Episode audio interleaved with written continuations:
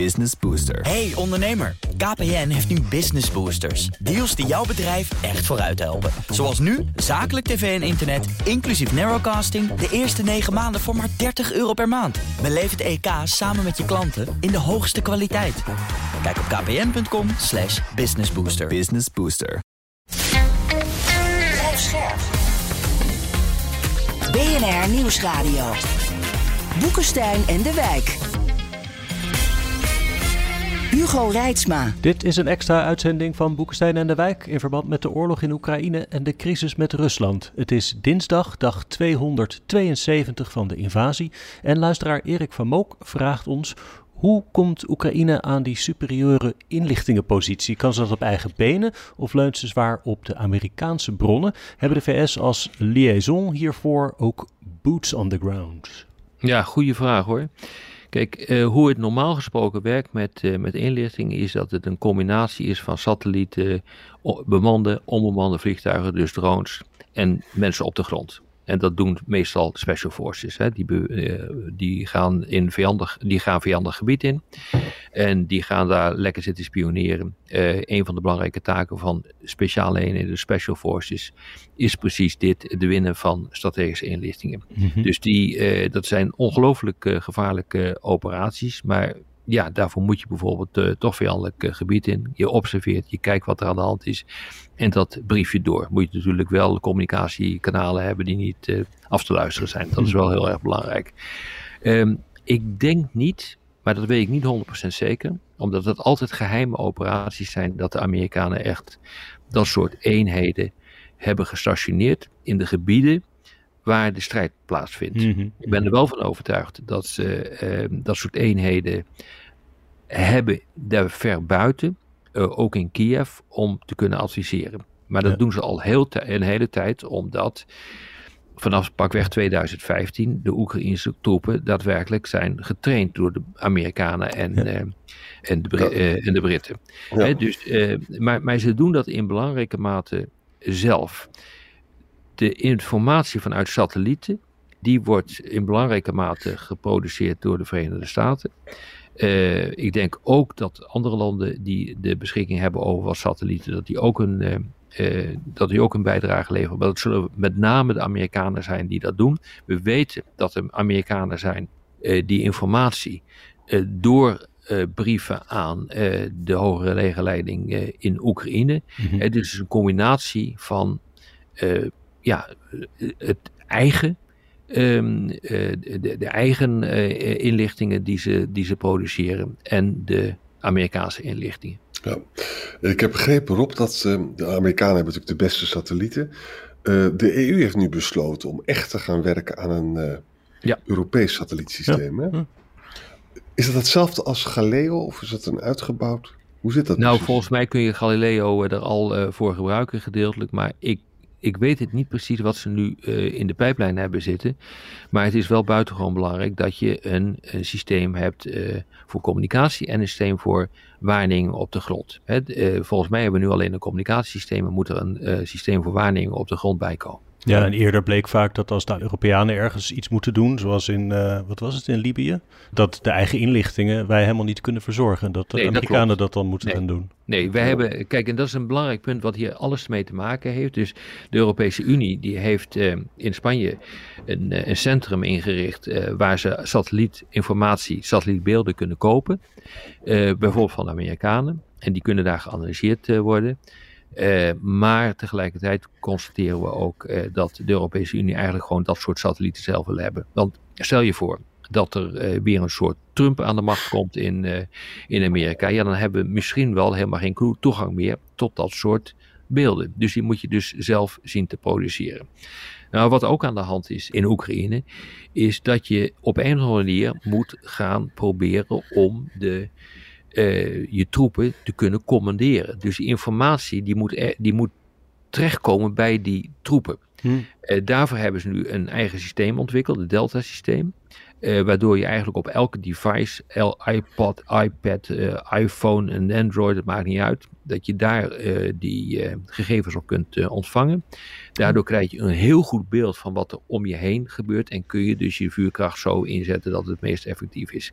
Dat is allemaal aan elkaar gekoppeld op dit ogenblik. Dus een van de verklaringen waarom Oekraïne het op dit ogenblik zo ongelooflijk goed doet. En de Russen het zo ongelooflijk slecht doen. En dat heeft dus te maken met dat systeem wat ze zelf in elkaar hebben geknutseld. En waarmee het mogelijk is om al die informatie, die uit verschillende bronnen komen, dus om die te dirigeren naar de commandanten ter plekke. En dat is uh, werkelijk, dat werkt fantastisch op dit ogenblik. Dan moet je je voorstellen, als je het allemaal bij elkaar optelt. Hè? Dus de Oekraïne heeft betere precisiewapens dan de Russen. Dat is één. Hè?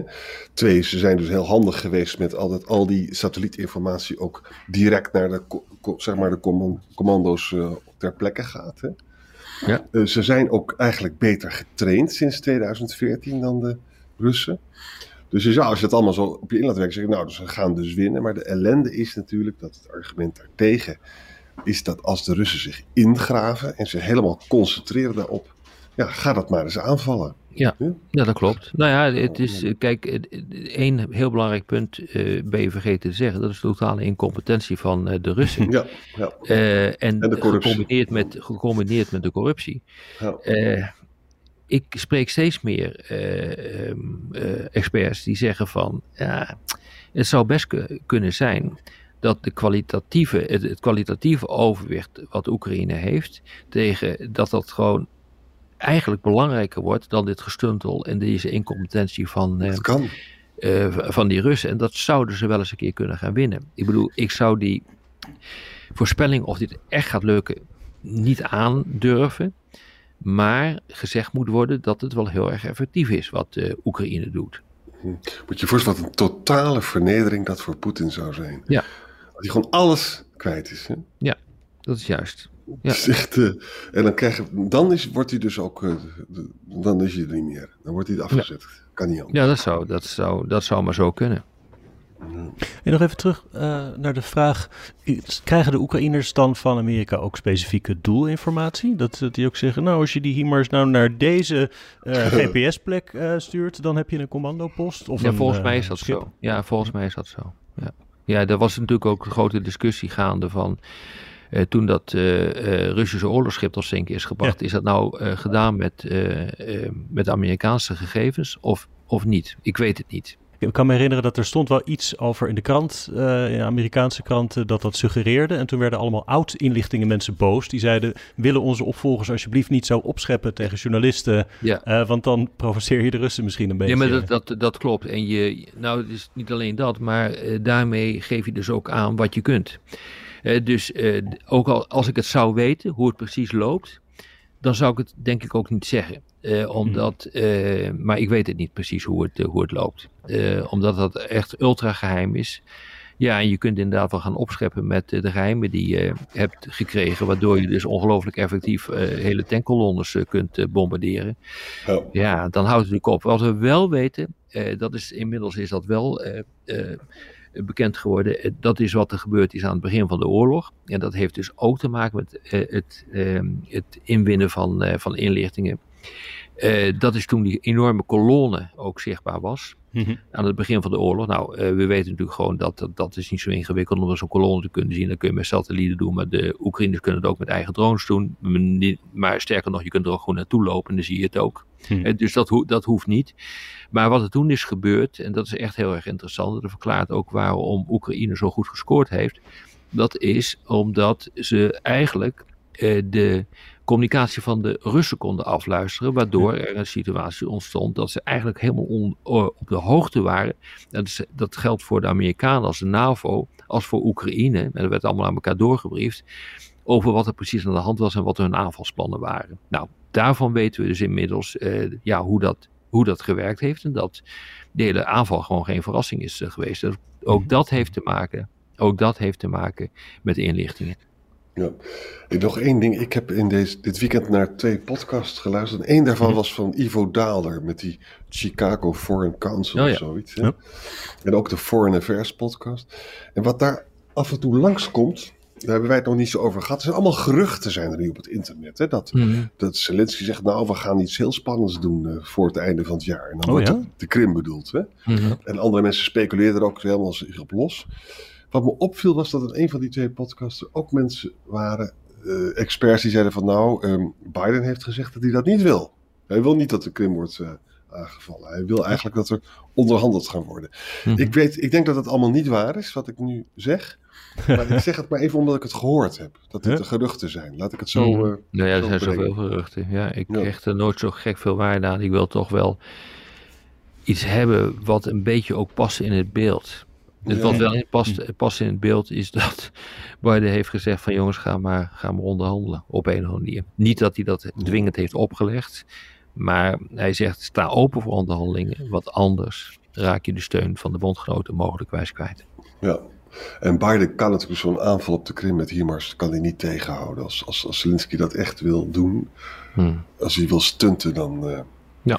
Maar goed, dan krijg je ook weer de doos van Pandora, wat er dan allemaal weer gebeurt. We zullen het zien. En ligt er nog ergens een grens, specifiek met, met die inlichtingen, in wat Amerika kan kan helpen zonder direct betrokken te worden bij, uh, bij de oorlog? Nee, dat zijn dan die boots on the ground, denk ik. Nee, dat, dat zijn boots on the ground. Dat wil je natuurlijk nooit. Want stel je voor dat Amerikaanse soldaten uh, worden uh, opgepakt, uh, krijgsgevangen worden gemaakt. Die dat is een trofee van je welste voor Rusland. Dus dat wil je gewoon vermijden. Dat is ook hm. denk ik een reden waarom ook Amerikanen niet aanwezig zijn in dat, in dat gebied. misschien zijn ze wel, blijkt later, maar het zou mij, het zou mij nu, nu verbazen. Maar bijvoorbeeld één ding is zeker. de Amerikanen weigeren, ehm, die weigeren ehm, om gegevens, inlichtingen te geven over doelen die aan de andere kant van de grens liggen. Dus op Russisch grondgebied. Ah, dat, dat is iets wat, wat denk ik wel heel erg zeker is dat dat niet gebeurt. we hebben natuurlijk gezien een hele tijd geleden, nou alweer vier maanden geleden of zo, wat zal het zijn geweest, dat er een aanval is geweest van Oekraïne op Belgorod. Uh, op uh, basis van, uh, van, ehm, van Rusland, ook om de logistiek kapot te maken. En daarvan is toen, op basis daarvan is een discussie ontstaan van wie heeft nou die inlichtingen gegeven. Daarvan heeft Oekraïne gezegd, nou dat hebben we zelf gedaan. Nou, dat zou kunnen. En er zijn ook inderdaad Oekraïnse drones ook boven Rusland neergeschoten. en ja, die zenden niet voor niks. Dat waren geen drones om aanval uit te voeren, maar gewoon om inlichting in te winnen. Ik denk dat wij nou elkaar goedendag kunnen zeggen voor deze dag. nou, ik denk het ook. Ja, ja. Dank, mede namens Erik van Mook. Ja, ja tot morgen. Tot morgen. Business Booster. Hey ondernemer, KPN heeft nu Business Boosters. Deals die jouw bedrijf echt vooruit helpen. Zoals nu, zakelijk tv en internet, inclusief narrowcasting... de eerste 9 maanden voor maar 30 euro per maand. Beleef het EK samen met je klanten in de hoogste kwaliteit. Kijk op kpn.com businessbooster. Business Booster.